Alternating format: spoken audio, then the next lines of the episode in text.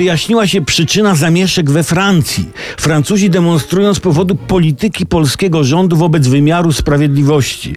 Oto bowiem francuska ministra do spraw europejskich Nathalie powiedziała: Rozwój sytuacji w polskim sądownictwie niepokoi wielu naszych obywateli. Wzruszenie, wzruszenie i jeszcze raz wzruszenie.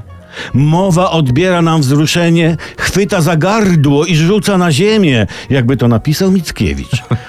Rzeczywiście, troskę o polskie sądownictwo widać ostatnio bardzo dotkliwie na ulicach Paryża na przykład.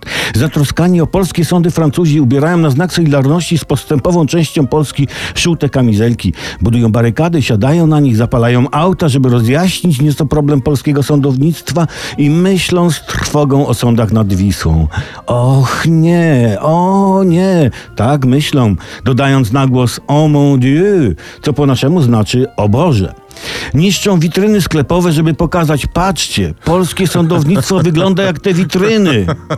Policja przychodzi i przekonuje tych zatroskanych synów Loary, mówiąc nie płaczcie. Polska powoli dostosowuje wymiar sprawiedliwości do wymogów Unii. I policjanci rzucają w nich gazem, pałują, obalają na ziemię i kopią, żeby pokazać, jakby nie wprost, że Francja nie pozwoli, żeby polskie sądy dopuściły do takich sytuacji.